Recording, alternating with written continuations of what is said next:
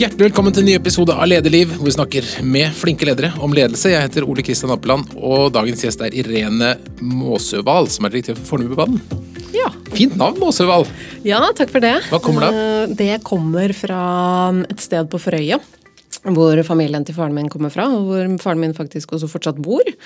Uh, ja, Så vi er vel et par og 70 stykker som heter Mosvold til etternavn. Så jeg vet sånn stort sett hvem de fleste er. Og mesteparten av dem er ingeniører, eller hvordan er det? Eh, Nei, sånn er det ikke. Men faren din er ingeniør? Nei, det er han heller Nei. ikke. Han, øh, han driver med mm, Akkurat nå så driver han med utleie til fisketurister. Han driver et lite sted Så med ja, seks, seks enheter som han leier ut. Uh, Før det så har han vært selvstendig næringsdrivende og drevet med produksjon av ovner. Morsomt. Og lamper. Så bra. Drevet butikk. Ja, litt forskjellig. Og kystskipper. Gøy. Men du vokste ikke opp der? Nei, det gjorde jeg ikke. Eh, Jeg vokste opp eh, de første fem årene av livet mitt i eh, Nord-Odal, hvor vi fortsatt har et hus eh, som vi bruker litt som et landsted. Og så har jeg bodd hele oppveksten og skolegangen og sånn har jeg hatt i Oslo. Frogner i Oslo. Og som liten så drømte du om å bli sjef for Fornebubanen? Ja. Nei, jeg gjorde, gjorde vel ikke akkurat det. Eh, jeg- har tenkt på det mange ganger etterpå at hadde noen sagt til meg i oppveksten at jeg kom til å jobbe i Sporveien f.eks., som jeg da forbandt med kontrollører, eh, så hadde jeg blitt veldig overrasket. Eh, Så nei, det var ikke egentlig akkurat eh, T-bane jeg trodde jeg skulle ende opp med å, å jobbe med. Men eh, sånn ble det etter hvert. Eh, Ingeniør har jeg nok alltid hatt lyst til å bli. Det, du det har sånn, vært litt liker å spennende. knotte og skru og fikse? Ja, vi ble satt til det også. Altså, vi, eh, vi ble satt til å, eh, til å hjelpe til eh, med forskjellige ting innenfor produksjon. Så vi fikk tidlig øve oss på ulike verktøy og lage deler. Og, Så gøy. Så, ja, så jeg har ikke vært så veldig redd for det. Og så, så, som du nevnte, du, har altså vært, du er nå i Fornebanen, du har vært utbyggingssjef i Sporveien før det, du har vært virksomhetsleder for kommunalteknikk i Sande kommune, og så er du sivilingeniør på kommunalteknikk og miljøfysikk, som jeg syns er veldig spennende. Og så har du Solstrøm-programmet, som jeg også har, som det er alltid et pluss med ledere som har det. Ja. Men, men den, denne ideen om at du skulle lede et prosjekt, når fikk du den? Ledet du noe som liten? Eh, nei, eh, lite. Eh, jeg var ganske eh, til, litt sånn tilbaketrukket som liten. Jeg vokste opp eh, med en tvillingsøster eh, som var mer utadvendt enn meg, så jeg gikk eh, stort sett to skritt bak. Hun brøytet vei, og så har vi nok eh, på en måte regulert hverandre litt. Hun har dratt meg litt opp, og jeg har holdt henne litt nede. Eh, og så har eh, ledelsesbiten egentlig kommet litt mer eh, da med, med tiden. Eh, og litt fordi jeg tenker at eh, mm, ja, Noen ganger har det vært litt at uh, titter rundt meg og ser er det noen andre som kan ta ledelsen her, og så nei, det, det var det ikke egentlig. Og da, eh, da har jeg følt meg som best kvalifisert, og det har vært naturlig da å, å si ja takk da, når jeg har fått muligheten, eller søke meg til lederjobber. Den, min første stilling eh, i arbeidslivet var jo også som leder. Du har vært sjef alltid. Ja, egentlig. I, eh, I mine ordentlige jobber eh, så har jeg det. Eh, Og det har vært veldig lærerikt og veldig gøy, så det anbefaler jeg til alle. Og det prosjektet, når, når de, Vi som bor rundt Oslo kjenner til det, det er ikke sikkert hele verden kjenner til, men Fornebubanen det, det er et svært prosjekt. Ja, det er et kjempestort prosjekt. Jeg vil jo kalle det et megaprosjekt. Det er stort, koster mye, er veldig komplisert. Veldig mange grensesnitt. La oss få litt tall på det. Altså, det er en bane som går fra Fornebu, hvor det var flyplass før, hvor det skal bli boliger nå, Ja. til Majorstua. Ja, det er riktig. Eh, Og så kobler, kobler den seg da på eh, det eksisterende T-banenettet på Majorstuen. Eh, Nå er det 7,7 km på trasélengden, og så har vi noen tverrslag som gjør at vi får litt mer tunnel enn det. Så er det seks stasjoner som skal bygges. To i Oslo og, og, eh, og fire da ute på Fornebu, eller i Bærum.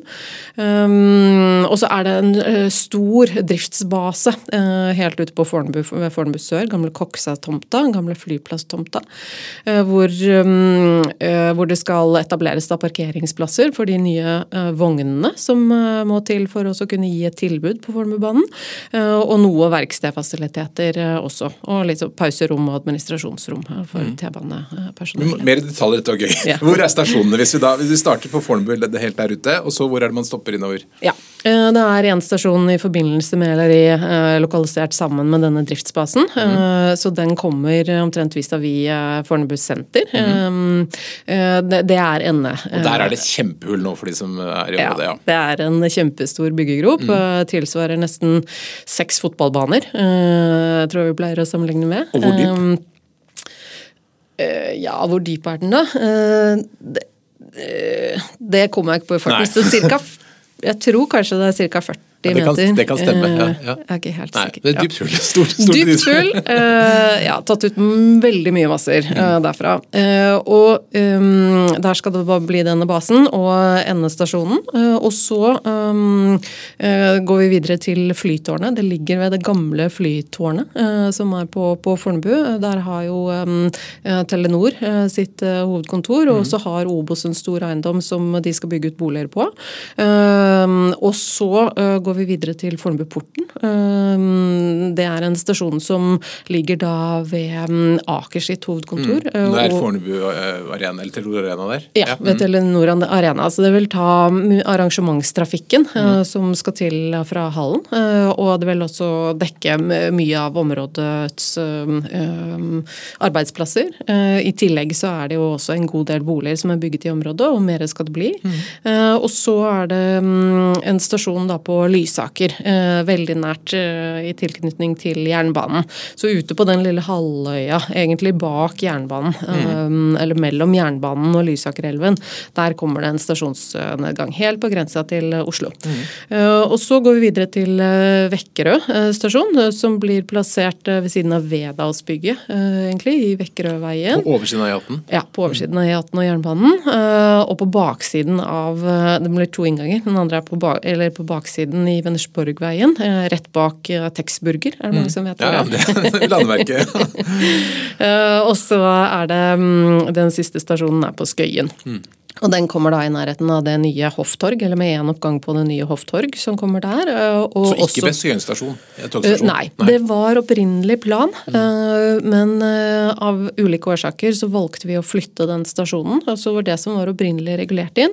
Men vi fikk en anbefaling etter ekstern kvalitetssikring, og har for så vidt egentlig sett faresignalene en god stund selv også, at vi, at vi burde legge stasjonen da i Berg. Mm. Og da måtte vi flytte den eh, litt lenger nord. Eh, og da blir den ene oppgangen blir på samme sted, eh, i Skanskas Powerhouse. Mm. Som er et fremtidig bygg som kommer. Og så den andre stasjonen kommer da på Hoff torg. Mm. mm. Rett ved trikkeholdeplassen. Og derfra så er det til Majorstua? Derfra er det til Majorstua. Mm. mm. Så det blir det lengste, uh, lengste strekket, da. Um, og hvor lang tid kommer det til å ta å ta T-banen fra, eller Fornebubanen fra Fornebu til Majorstua? Du, det er et sted mellom 12 og 13 minutter. Uh, er det som er beregnet. Uh, så, så, det vil gå uh, ja, i, i rimelig radig. Mye raskere enn man får til i dag med, med, kollektiv, eller for så vidt bil også. Men er det da så, når du kommer til Majorstua, er det en slags snusløyfe der som nei, snur? Nei. nei, det er det ikke. Bare... Så man kobler seg på, vi kobler oss på inn i Volvat-kulverten, som betjener Røabanen og Kolsåsbanen i dag. Og så kommer vi da inn på Majorstuen, og så vil vognene fra Fornebubanen de vil gå videre gjennom sentrum og ut på en av de østlige grenbanene. Eh, så er det ikke endelig bestemt hvilken av de østlige grenbanene dette vil, den vil kobles opp mot. Men sånn, ja, det man har planlagt så langt, er kanskje at den eh, går mot Mortensrud. Og da vil de banene som går der i dag, frigjøres til å kunne uh, gå på Grorudbanen. Så mm. tanken er jo at det vil også gi en økt uh, kapasitet på Grorudbanen da når Fornebubanen igangsettes. Vil dette bli de samme T-banevognene som vi kjenner i dag, eller blir det egne Fornebubanetog? Nei, det vil bli de samme, men det er alle de vognene som er i dag, de Eh, er i trafikk. Sånn at det er et behov for å kjøpe nye T-banevogner til hele nettet. Eh, og da er det det behovet som trengs for å kunne betjene Fornebubanen som skal kjøpes inn. Eh, og det er det Sporveien som står for å, og jobbe med. Og så vil de gå på hele nettet. Mm. Så de vil også gå innom Fornebu, men ikke være mm, forbeholdt Fornebubanen. Og så sa du at det var et dyrt prosjekt. Hvor mye penger koster dette? Ja, eh, det er mange tall eh, i omløp, men den styringsrammen som vi nå har, den er på 23,3 milliarder eh, kroner. Um, og så kommer da lønns- og prisstigning i tillegg til det. Mm. Og um, vi vet jo ikke mm, eksakt hva lønns- og prisstigningen vil bli. Nå har man regnet inn ett beløp, og så ser man på hvordan man kan, kan eventuelt um, sørge for at vi får ettergitt den lønns- og prisstigningen som faktisk uh, påløper. Mm. Litt sånn som eh, Statens vegvesen gjør med sine prosjekter i dag. De har en sånn type ordning. Vi hadde Men der lander det et sted mellom 25 og 30 millioner, da? Antagelig. Milliarder. Ja, ja, mm. ja. Det, det, gjør vi nok. Mm. Og når går første avgang? Eh, i 2029. Mm. Eh, vi har eh, tatt peiling på sommeren 2029. Vi har ikke satt noe fast dato enda. Siste kvalitetssikring sa pluss-minus et år. Og jo lenger frem vi kommer, jo tryggere blir vi jo. Men det er fortsatt noen usikkerheter i, i prosjektet. Mm. Så, mm, så, vi skal nok få satt en dato, men, men, det er sommeren 29 som er målet nå. Og Du startet med dette i, i 2017 og har aldri gått seks år. Hvor, Hvordan så det ut da du kom dit? Hvordan så organisasjonen ut? Du, da var det en eh, liten gruppe som var innleid fra Sporveien. Eh, jeg kom jo da fra Sporveien og som utbyggingssjef eh, der, så var jeg som hadde leid dem ut. Da til byrådsavdelingen for miljø og samferdsel. Og de hadde startet opp med forberedelser til forprosjektet. Og så kom jeg da inn som første ansatte. Så da var vi en organisasjon som, hvor alle gjorde alt, nesten, og hadde enorme ansvarsområder år.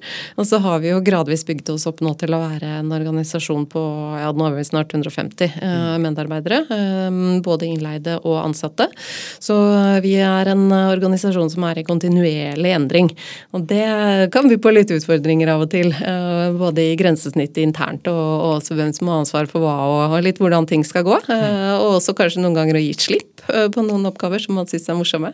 Men fortell, Men, fortell litt om hvordan du tenkte at du kommer der, første mm. ordentlige ansatte, skal bygge en bane til 25 eh, milliarder. Altså, hvordan, hvordan, har du tenkt når du har bygget organisasjonen? Hvordan var liksom prinsippene? Eh, vi har jo basert oss en del på hvordan vi gjorde det i eh, Sporveien. Eh, og det som er viktig i, en, i et T-baneprosjekt, det er jo at man, altså man er jo en byggeherreorganisasjon, så man trenger de funksjonene som er viktige i en byggeherreorganisasjon. Du trenger økonomer, du trenger fremdriftsplanleggere, og du trenger teknisk personell og folk som kan prosjektledelse. Så vi jobbet jo etter hvert vært frem hvordan vi så for oss en inndeling av selve prosjektet i ulike entrepriser, og hvordan da disse entreprisene skulle bemannes opp. Eh, og så har vi, eh, har vi gjort det. Gjort noen justeringer underveis selvfølgelig på de planene. Har, eh, har sett at det er enkelte funksjoner vi trengte flere av. Ja, og, og noen spesialfunksjoner vi ja, ikke har fått dekket mm. gjennom rådgivende ingeniør f.eks., som det har vært mer hensiktsmessig å ta inn uh, i egen organisasjon. Så etter hvert så har vi blitt en gruppe med uh, ja, eh, stor gruppe med teknisk personell og en stor gruppe da med prosjektledere, byggledere, kontrollingeniører, som liksom utgjør kjernen eller nøkkelpersonellet i prosjektgjennomføringen. Og så er vi noen i mer administrative funksjoner som server da hele prosjektet med ulike oppgaver. Mm. Så vi er en stor prosjektorganisasjon, men som samtidig da skal drive en virksomhet. Men vi har jo da dette ene prosjektet som vi skal planlegge og gjennomføre. Eh, så det er ikke mye etat eh, i, eh, i vår virksomhet, men vi, vi, styres jo som en etat og får, får da tildelingsbrev og årlige budsjetter og akkurat som alle andre. Og dette er for Oslo kommune og Viken? Er det det? Ja. Mm. Vi er da lagt som en enhet og en etat i Oslo kommune. Eh, og så har Viken også prosjekteierskapet. Eh, så Viken og Oslo har en samarbeidsavtale seg imellom om hvordan de skal jobbe med Fornebubanen. Og så rapporterer vi da til begge disse to prosjekteierne mm. samtidig. Så de får informasjon av oss og månedsrapporter og ja, jevnlig informasjon da om mm. fremdrift og økonomi og ulike utfordringer som vi står i. Og så har du da satt ut arbeidet, det er ikke dere som graver holdt opp å si, dere har satt ut entrepriser. Er det mange entrepriser? Ja, vi har satt ut både entreprisene og også um, selve prosjekteringen. Uh, sånn at når det gjelder prosjekteringen, så har vi et um, joint venture uh, av Multiconsult uh, og Covi. prosjektering det er på en måte planleggingen? Eller, ja, det er detaljplanleggingen mm. av de tekniske løsningene. Mm. men samtidig så har jo vi da en, en gruppe hos oss som følger opp prosjekteringen. Altså både egne prosjekteringsledere som har hovedansvar for sine områder og så har vi en del teknisk personale som også setter de overordnede føringene for hvordan uh, løsningene skal være hos, uh, hos, oss. Så følger vi det tekniske regelverket til Sporveien um, i all hovedsak, med noen fravik som vi må søke Sporveien om. Men, men, det er da dette, denne prosjekteringsgruppen Fornebubanen som, som detaljerer ut løsningene for oss. Og så har vi delt opp da i ulike entrepriser. Eh, og da har vi eh, hatt noen hovedentrepriser eh, som er geografisk inndelt. Så vi har denne store basen ute på Fornebu som er en, er en egen entreprise. Mm. Dvs. Si, den har vi splittet opp nå i først grunnarbeidene, som er utført nå. Og så har vi laget en entreprise på selve betongskallet for den store bygningen som skal der ute. Og så blir det en entreprise på innredningen av det som kommer etterpå. Mm.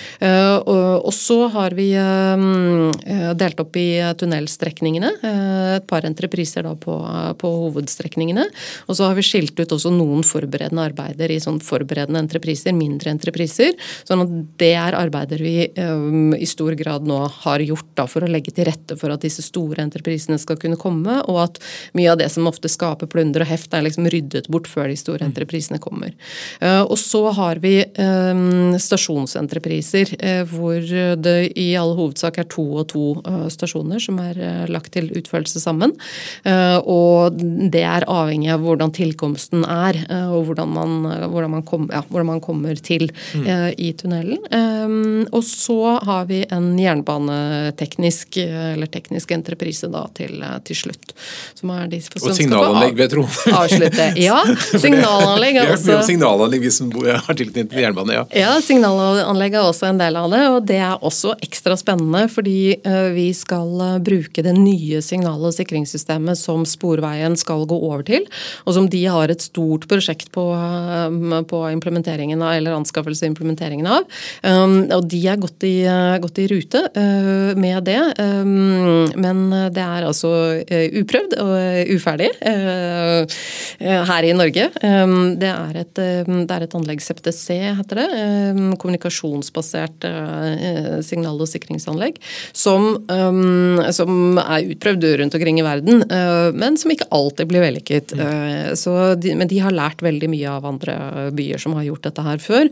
Så det har vi stor tro på at skal fungere godt. Eh, men da kjøper vi den tjenesten fra Sporveien. Så de, skal, de blir en underleverandør faktisk på akkurat dette mm. til oss. Så de anskaffer da signal- og sikringsanlegget til Fornebubanen, og så bekoster vi det, da. Har det vært lett å finne leverandører? Uh, ja. Um, det har egentlig det. Eh, vi, så vi har vært heldige eh, og fått, eh, fått, tilbud på de entreprisene som vi har satt ut, og de arbeidene som vi har satt ut. Og, og, det har nok mye med å gjøre at det er et stort og spennende prosjekt som det er morsomt å, å være med på. Så mange, mange følger med på, på oss og, mm, og syns at dette er litt stas å få lov til å være, være med på. For det vi bygger jo for et anlegg som skal være vare i 100 år. Eh, mm. Så mm, ja, vi har inntrykk av at det er mange som syns at det er gøy å være med. Både når det gjelder medarbeidere. Eh, vi får mange, har mange kvalifiserte medarbeidere som vi er, føler oss heldige som har fått eh, inn i organisasjonen. Men også på entreprenørsiden så har vi, har vi hatt stor interesse. Og så har vi jo forsøkt å legge entreprisene da på en størrelse som også skal være attraktive for, for mange. Mm. At ikke vi lager de verken for store eller for små. Eh, så det tror jeg også at vi har hatt eh, hell med. Da, har du noen idé om hvor mange mennesker totalt som blir involvert i dette? Ikke som eh, jeg husker i farten. Vi regnet litt bitte på det, men eh, vi, eh, det, er, det er enormt mange mennesker. For ikke bare de som er, altså er, inne i prosjektet gjennom de direkte avtalene og kontraktene, men også gjennom underleverandører. Så vi jobber litt med å få opp et leverandørregnskap. Mm. Håper at vi skal liksom kunne se litt effektene mm. av, av av det vi gjør, ut i, uh, ut i samfunnet. Kunne vise noe tall på det. Og så har det også starta med et forferdelig stort hull, og så har dere gravd dere inn i en tunnel. Hvor langt har tunnelen kommet nå? Vi har kommet uh, nesten bort til uh, Lysaker. Uh, 3,3 km tunnel er sprengt ut. så um, ja, vi er nesten borte ved Lysaker. og um, så har vi da disse tverrslagene, altså adkomsttunneler ned til hovedtunnelene hvor vi skal ta ut massene. som vi også da har fått på plass både på Lysaker, hvor vi også har begynt på hovedtunnelen, og, um, og på Skøyen og på Madserud, da oppe ved Frognerparken. Det er jo alltid litt spennende å grave tunnel, for man vet jo ikke helt hva man treffer. Har, har dere truffet det dere trodde under bakken, eller har det vært overraskelser? Nei, altså det er klart Vi har hatt mye undersøkelser av grunnforholdene i forkant, og vi har jo et, et noenlunde greit bilde av hva vi kommer til å møte på, men det man aldri er helt sikker på, er hvordan Helt eksakt hva man treffer. Sånn at um, ulike geologiske formasjoner kan mm, på en måte overraske litt da, når man kommer og står der og, mm. og ser at selv om man tok et, en grunnboring en meter unna, og den viser én ting, så kan det være et helt annet bilde akkurat der hvor du kommer med selve, selve tunnelen, eller, eller, da litt i, i, i ytterkant av, av tunnelen. og at det kan være dårligere masser da enkelte steder for tunnelbygging. Så vi har hatt noen steder hvor det har gått saktere enn det vi har uh, trodd, og at fremdriften har vært noe dårligere i perioder. Men uh, i all hovedsak har vi jo ja, visst no, hvordan det, mm. hva, ikke, hva vi skulle møte på. Du har ikke truffet noe du ikke visste fantes der? Nei, nei da, det har vi ikke. Men det, det blir jo enormt mye masser. Hvor gjør du alt sammen? Eh, vi hadde håpet at vi skulle kunne levere til eh, Bærum kommunes ressursbank og, og bidra til å skape en øy eh, i Rolfsbukta, som det var planer om. Først en halvøy og så en øy. Men det viste seg å ikke være mulig av hensyn da til fisk, så statsforvalteren sa nei. Mm. Men det hadde gjort at vi hadde fått veldig kortreist transport av disse massene og fått brukt dem til noe hensiktsmessig.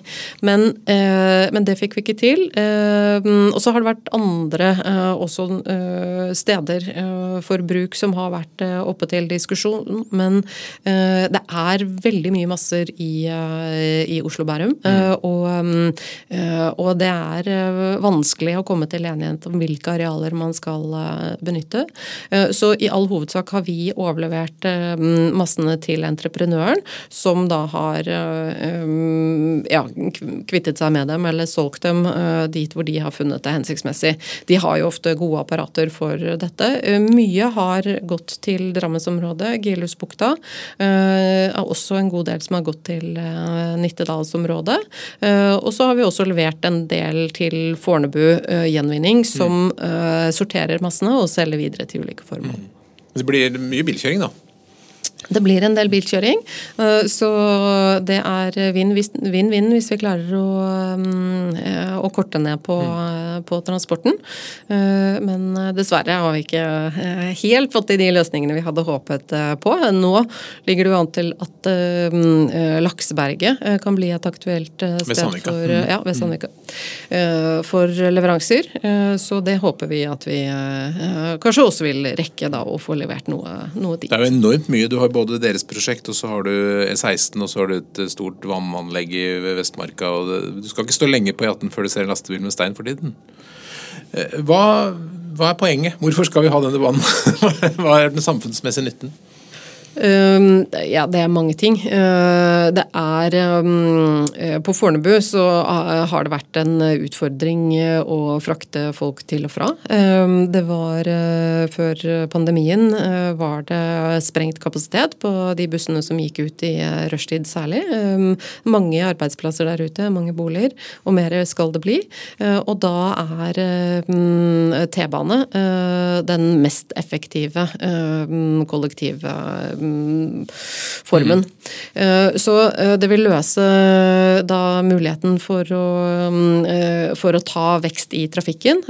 Det vil også gi mulighet til å bygge ut videre på de arealene. Det har vært et ønske. Og Bærum har jo også gått fra å legge til rette for en kapasitet på 6000 boliger til å øke det til 11 000 gjennom at Fornebubanen blir etablert. Så, så, det gjør at man kan bruke da bynære områder og, og få en videreutvikling der. Og de vil jo også legge opp til en, eh, en fortetting eller en byutvikling rundt knutepunktene eller rundt stasjonene våre. Eh, så, og så er det jo et mål å ta ned trafikken da på, på bilveien eh, på E18. Så, så, det er mange gode grunner til det. Miljøvennlig alternativ. Mm. Selv om det blir selvfølgelig litt utslipp i å lage en sånn anlegg, men ja, over tid så vil det vel antakelig lønne seg. da. Mm. For det, Du snakket om bygget her i stad. Altså det bygget du skal lage i det store hullet der, er jo også, det må jo være et av Norges største byggverk. altså Det blir en kjempebygning. Ja, det gjør det. Ja, det er, eh, det er veldig, eh, veldig stort. Eh, så, mm, men det, mm, det, har man da valgt å gå for nå denne gangen. Og, legge dette sentralt i enden av en mm, T-banestrekning som er hensiktsmessig for, for, logistikken, egentlig, for vogner. Og, men da gjøre det på en eiendom hvor man da skal kunne bygge oppå etterpå. Og det har ikke vært gjort i Norge før. altså Man har ikke noen driftsbaser baser hvor man har eh, en, egentlig en hel by eh, over. Eh, så det er også et spennende grensesnitt mm. da å jobbe tett med utbyggere som skal bygge over oss, mm. komme etterpå og utvikle byen videre. Men du da kom til den jobben som din tredje lederjobb og fikk lov å bygge opp en stor organisasjon. Hadde du noen klare tanker om hvordan du ville være som leder? Du har gått på Solstrand, da, så klart. ja, jeg har fått tenkt eh, litt uh, på lederskap i den forbindelse. Men uh, ja, for meg så var det viktig at vi skulle være ett prosjekt, at vi skulle være ett team. At vi, selv om vi selvfølgelig blir en stor organisasjon som splittes opp i mange delprosjekter, at vi skulle alle sammen kjenne at lykkes ikke alle, så lykkes egentlig ingen. det hjelper ikke å ha uh, fine, flotte stasjoner hvis ikke uh, Eller en, en fin uh, tunnelstrekning mm. hvis man ikke får fylt det med innhold og klarer å, å levere dette samlet. Så, um, så, det har vært et, et mål. Å sørge for at vi ikke har noe A-lag og B-lag, men at alle er med på én leveranse. Du, jeg tror det å samle folk folk med jevne mellomrom. Identifisere um, felles problemstillinger. Um, eh, sørge for at eh, mange får, eller alle får den informasjonen som, eh, om ting som foregår som er viktige rundt omkring. Så jevnlige allmøter har vi hatt. Kommer egentlig rett fra allmøtet nå. Mm. Um, det, det, har vært et viktig poeng. Og at vi har korte veier, egentlig, for mm. å kunne si fra om ting. Er allmøtet din favoritt? Favorittkommunikasjonsform? Er det bedre enn å skrive mail?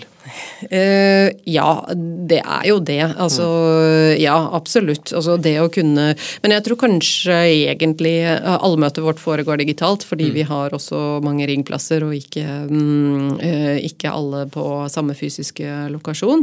så jeg tror det er enda bedre å kunne snakke sammen på samlinger, mm. hvor man både kan fortelle hele forsamlingen samme budskapet på en gang gang, man vet at eh, alle får det med seg, og også etterpå kunne diskutere uh, hva de tenker om, uh, om, det som har blitt sagt. Hva er en typisk struktur på sånt allmøte? Hvor lenge varer det, og hva slags agenda har dere? Vi har hatt en halvtime. I begynnelsen hadde vi det ukentlig. I begynnelsen hadde vi det også fysisk. Bare samlet oss mm. i midten av lokalet og, og, tok en runde rundt på hva som rørte seg. Vi har etter hvert da gått over til digital digitale allmøter og beholdt halvtimen. Nå har vi det annenhver uke. Og så forsøker vi å dele det sånn noenlunde i to, med administrativ informasjon og med, med prosjektinformasjon. Mm. Og at de ulike avdelingslederne eller seksjonslederne eller prosjektlederne forteller da om noe av det viktigste som foregår, og jeg forteller gjerne litt hva som foregår i dialogen med eierne. Mm. Så det er hvordan bruker du tiden? Blir det, blir det mye si, menneskemøter, eller er det mye, mye teknisk og saker og sånne ting? Eh, det er mye menneskemøter. Det er veldig mange som er interessert i eh, prosjektet. Mm. Eh, så vi bruker mye tid på informasjon ut. Og det kan være alt fra samarbeidspartnere og, mm, og andre aktører rundt som vi er avhengig av, som ønsker informasjon og, og, mm, og få et møte eller et innlegg, mm. til også naboer og, innbyggere. Mm. Så nå sist var jeg i, på besøk hos Rotary. Ja. Eh, og holdt et innlegg for dem. Eh, og mm, det er alltid spennende å kunne få også tilbakemeldinger da, i etterkant av, av, et sånt innlegg, og, og folk, mm, folk, forstår litt hva dimensjonene på dette er, og, og hva hensikten er. Og, ja. hva, er det, hva er det folk vanligvis lurer på? Og alt mulig rart eh, til de som er nærmest berørt, som lurer på når vi blir ferdig med å støye og støve mm. i nærområdet. Eh, eller um, ja, til hvordan vi driver med injeksjon. Mm. Eller ja, det, det, er, det, er, så forskjellig hva folk har av, av interessefelt. Mm. Og det er jo gjerne um, ingeniører som også er spesielt interessert og å komme på sånne åpne møter. Så da Slitsomme folk, er ikke det? Nei, det er veldig gøy. jeg husker jeg jobbet i fotobutikk, alle ingeniørene skulle alltid spørre om utrolig mye. Men det var litt gøy, jeg er enig i det noen ganger. Men hva, hva, hva syns du er, liksom, hva er det som er vanskelig med det? Hva er utfordringene ved å lede et så stort prosjekt? Eh, det vanskeligste tror jeg kanskje har vært at vi eh, både eh, startet en virksomhet innenfor noen rammer og, og til en viss grad en del hjelp, men, men, det å etablere en virksomhet samtidig som vi skulle bygge opp et prosjekt, kunne by på litt utfordringer. Veldig spennende, men samtidig også litt frustrerende, fordi folk kommer inn og er vant til å kanskje jobbe hos en byggherre som Vegvesenet eller eh, Bane NOR, som har eh, konsernstrukturen i bakhånd og har eh, alt på plass av styringssystemer og økonomisystemer, arkivsystemer, kvalitetssystemer. Alt er der fra mm. før. Og noe trenger kanskje litt oppdatering og justeringer, men hos oss så var det ingenting som var der. Så vi har måttet bygge opp alt også parallelt. Og da har ikke alt vært på plass med en gang. Vi har måttet prioritere selvfølgelig. Og vi startet jo med disse fem da, som var der. Eh, jeg har brukt mye tid da på å bemanne opp, men, men folk har ikke kunnet alltid finne den informasjonen som de ønsket seg, eller svarene. Så, mm, så det har kanskje vært mest frustrerende, at ikke alt er på plass. Mm. Og at det har vært også et savn hos flere som har kommet inn. Da. Og da blir det jo litt til at folk eh, gjør det på den måten som de gjorde der de kom fra.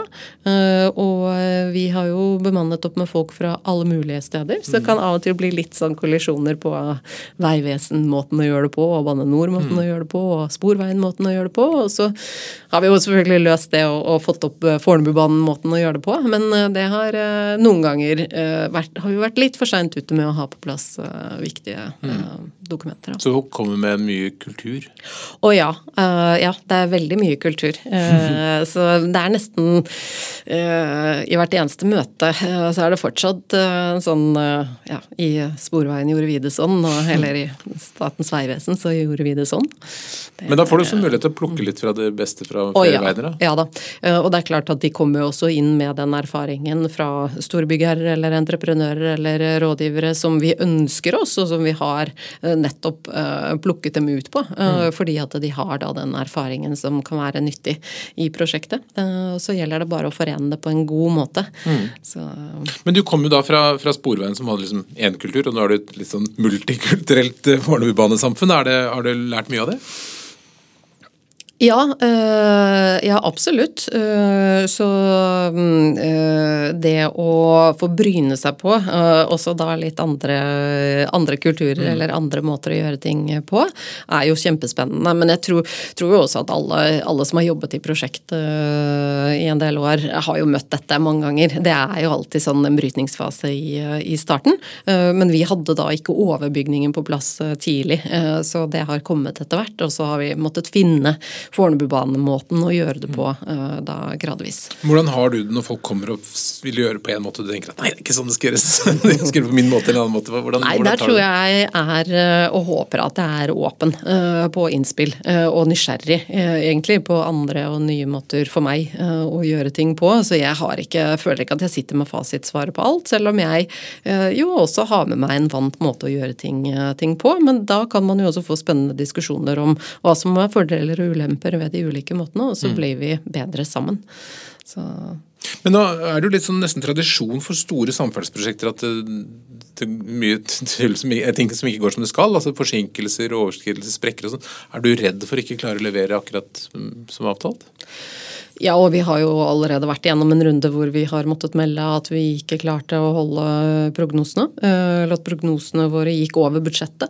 Eh, så, så det er selvfølgelig en, eh, en, lei situasjon å komme i.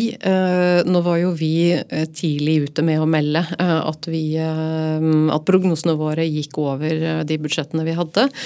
Og da fikk vi jo anledning til å fremme en ny sak for politikerne og si at nå ser vi at lønns- og prisstigningen og, andre elementer har gjort at prognosene går over. Mm. Og nå må vi vurdere på nytt, eller dere må vurdere på nytt om det er verdt det til da den, den nye prognosen som, som, forelå, og også da den økningen i usikkerhet mm. som har fulgt krigen i Ukraina og Hvordan føltes det å si at dette blir ikke sånn som Nei, altså eh, Det var eh, skikkelig nederlag, egentlig, å oppdage at eh, nå gikk det ikke. Og mm, jeg har egentlig hele sporveiskarrieren levert prosjekter på tid og kost, så, mm, så det å ikke få det til nå, det var, mm, det var absolutt et nederlag. Men samtidig så var forholdene rundt det såpass ekstraordinære Eh, at det var om å gjøre å få satt seg ordentlig inn i hva er årsakene til mm. dette, og få forklart det også da både til eh, politikere, men eh, også til allmennheten. Hva er det som, som forårsaker dette, og hva er nå alternativene våre for dette. Mm. Så, så det, det kommer jo mye arbeid med det. og og det ble et dypdykk egentlig da i, i tall og, og uh, mulige alternative måter å løse dette på. Så, um, så, sånn sett så var det ikke mye tid til å sitte og deppe over at, at man ikke hadde nådd de opprinnelige målene fra, fra Men Hva har du lært av det altså, neste gang du går på en smell, enten det er kostnader eller, eller, fremdrift eller noe annet? Hva, hva har du lært liksom, neste gang du skal legge frem noe dårlig? Ja, altså Jeg tror at det viktigste er å klare å forklare uh, hva det er som har uh, skjedd. Uh, og klare å, å se årsakssammenhengen. og klare å se hvilken risiko er det man fortsatt står i, og hva er, hva er de reelle alternativene. Mm. og fremskaffe eller ha den informasjonen da tydelig og tilgjengelig. Um, så både må man sørge for å um, forklare dette på en uh, grei måte uh, og enkel og forståelig måte, som ingeniører ofte har litt utfordringer med, for det kan vel fort bli veldig teknisk komplisert. Uh, men samtidig ikke forenkle for mye. Mm. Det, det, er også et poeng. Det må være um, Eh, skikkelig og ordentlig satt opp og, og, og en, selvfølgelig en redelighet eh, i det. Eh, men det kan være noen ganger at man forenkler nesten for mye også. At det blir litt sånn ja, fordummende, kanskje, i årsaksforklaringen. Jeg husker jeg sa at vi ikke hadde, hadde oversikt over grunnforholdene. Og jeg mente jo ikke at vi ikke hadde oversikt over grunnforholdene sånn totalt sett, men vi hadde ikke alltid innsikt i hvordan det vil være på hver eneste meter. Da fikk jeg jo fort to tilbakemeldinger i avisen på at jeg burde finne meg en annen jobb. Mm. Så sånn sett så må man, må man være presis, men, men da mm, på en måte som folk forstår. Så mm. å jobbe med å forenkle budskapet, men å være nøyaktig og presis, det tror jeg Har du noen gang selv tenkt at du burde finne en jobb? Nei, eh, ikke, ikke i sammenheng. Nei. På det du gjør. Ja, absolutt. Eh, ja, og, det, og det er veldig gøy. Mm. Og, og, utfordrende. Og ingen dag er lik. Så, mm, så jeg syns at dette er kjempe, kjempespennende. Hvor er det mest er det, altså, Hva er det som er liksom de kritiske fasene i prosjektet? Er du forbi dem, eller er det gjenstår er det, er det signalanlegg? Hvor, hvor, er det liksom, hvor er du mest spent?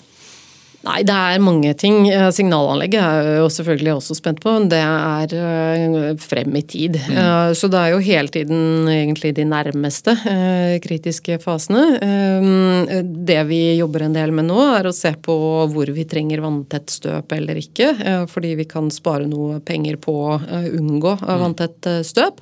Så det er litt sånn Det har det å gjøre med hvor det kommer fuktighet, rett og slett? Ja, og om vi klarer å injisere tunnelen modellen godt nok eh, til at vi da unngår en omfattende eh, bygging av denne vanntette støpen. Um, men eh, ellers så er det mm, hver gang vi går ut med en, et tilbudsgrunnlag og skal få priser inn, så er vi også veldig spente på hva som faktisk kommer, og hvor mye For én ting er referanseprisene som vi har fra andre entrepriser som er tidligere levert, og, og hva andre byggherrer også har fått inn av, av priser, men noe annet er når du faktisk faktisk får tilbudene. Eh, hvordan har entreprenøren priset eh, risikoen som de ser, og har vi klart å eh, tydeliggjøre hvordan de skal få kompensert på en god måte for de usikkerhetene som jo er. Hvordan vil videre prisutvikling være? Føler de at de har da fått det godt nok kompensert, eller legger de det inn i rigg og driftskapitlet f.eks. Mm. Så, um, så det er um, spennende situasjoner stadig. Um, men nå har vi jo en har vi jo rammer som gjør at vi har det handlingsrommet vi trenger. Eh, mm. Og vi, um, alt tyder fortsatt på at vi holder de rammene som vi har fått. Mm. Nå har du vært eh, leder i mange år. 25 år over det. det. Har du forandret deg mye som leder? Er du veldig annerledes i dag enn da du startet i, i Sande? Ja, det er jeg nok uh, gjennom erfaring, uh, selvfølgelig. Um, men uh, jeg tror nok at jeg beholdt det at jeg har en sånn grunnleggende respekt for andres kompetanse. Jeg kom jo inn da som nyutdannet og, og ble satt til å lede en gruppe med godt voksne menn, i all hovedsak, som visste veldig godt hva de gjorde, og hvordan ting skulle gjøres gjøres, og fikk ganske eh, tidlig også eh, beskjed om at eh, praksis, eh, det, det, kunne de godt. Men jeg tror vi klarte å forene eh, den eh, teorien som jeg kom med, og den kompetansen og måten å jobbe på som jeg hadde, sammen med deres praktiske evner og, og erfaring på hvordan man kunne gjøre ting på en god måte. Og den respekten og den um, interessen for andres uh, kunnskap og kompetanse tror jeg jeg har med meg uh, fortsatt. Men jeg har nok blitt uh, veldig mye tryggere på at det jeg har å bidra med og den kompetansen jeg har, er god nok til å kunne mene mye om det meste. mm. Så det hadde kanskje vært vanskelig å gjøre den jobben her hvis du ikke hadde hatt en god del år bak deg? Ja, det tror jeg nok. Altså, det hjelper jo å ha har erfaring fra de fleste fagfelt og har gått noen runder før i småskala. Eh, det gjør det. Mm. Hvordan kommer vi som da etter hvert kanskje prøver å ta Fornebubanen og bli ferdig, til å oppleve, komme til å oppleve den som noe annerledes enn annen T-bane? Er det noe spesielt, Hva blir attraktivt ved å reise med, med Fornebubanen? Fornebubanen blir jo den første strekningen som går i tunnel eh, så langt eh, som dette. Eh, det blir jo tunnel helt da fra Majorstuen og til Fornebu, så det blir annerledes. Og så blir det jo en helt ny bane, så sånn sett så vil den jo være fresh og fin. Mm. Og vi har jo fått med også arkitekter på laget som er internasjonalt anerkjente. Så vi håper jo at det skal også bli en spennende arkitektonisk eh, opplevelse. Eh, og mm, den eh, vil jo forhåpentligvis også være veldig punktlig. Det vil jo også Det, altså det er jo T-banen også for øvrig.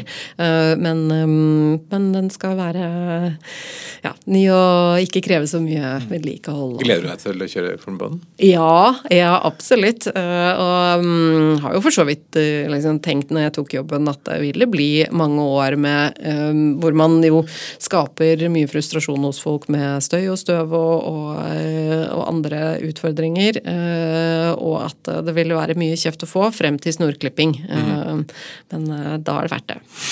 du gleder deg til det? Har du begynt å tenke på den dagen, liksom? Nei, nei jeg har ikke det. Og nei, absolutt ikke.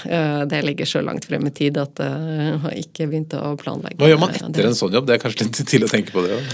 nei, du, det vet jeg ikke. Det var en tidligere leder av meg som sa at uh, etter Fornebubanen så kan du gjøre hva du vil. Men nå har jeg gått på uh, fra seks års åremål nå til et nytt åtte års åremål, og da begynner jeg å bli godt voksen når jeg er mm. ferdig, så jeg vet ikke. Det, det skal bli um... Men det må jo bli fantastisk å se tilbake på å ha gjort et så stort prosjekt. Ja, det gjør det. Helt til slutt, hvis du skulle gitt noen råd, da, hvis, hvis, hvis, jeg skulle overtatt jobben din, da Hvis du ledet et sånt prosjekt, hva ville de tre viktigste lederrådene være til en som skulle lede en sånn stor prosjekt som det? Ja, jeg tenker um, Se medarbeiderne dine og lytt til dem. Um, og i et prosjekt så tenker jeg jo også sørg for at alle opplever å være inkludert. Uh, og så uh, tenker jeg at uh, Vær tydelig. Eh, både utad eh, i kommunikasjon med media, politikere, eh, og, og også innad. Sørg for å være ærlig, tydelig og si det du mener. Gjerne holde igjen litt, selvfølgelig, til diskusjonen har, har gått. Men gjør det med omsorg. Og ja det, det, tenker jeg også er viktig. Man kan være tydelig, men på en ok måte. Mm. Godt råd. Irune Mosvold, tusen takk for at du kom til Lederliv. Takk for at du lytter på Lederliv, som er en podkast fra Apeland. Redaksjonen består av Ingrid Hogneland, Johanna Eidsvoll, Lars Jarle Melum og meg som heter Ole Kristian Apeland. Og vi er veldig takknemlige for ros, ris, tips som leder eller hva du måtte ønske, til e-post ole at apeland.no. Takk for at du lytter.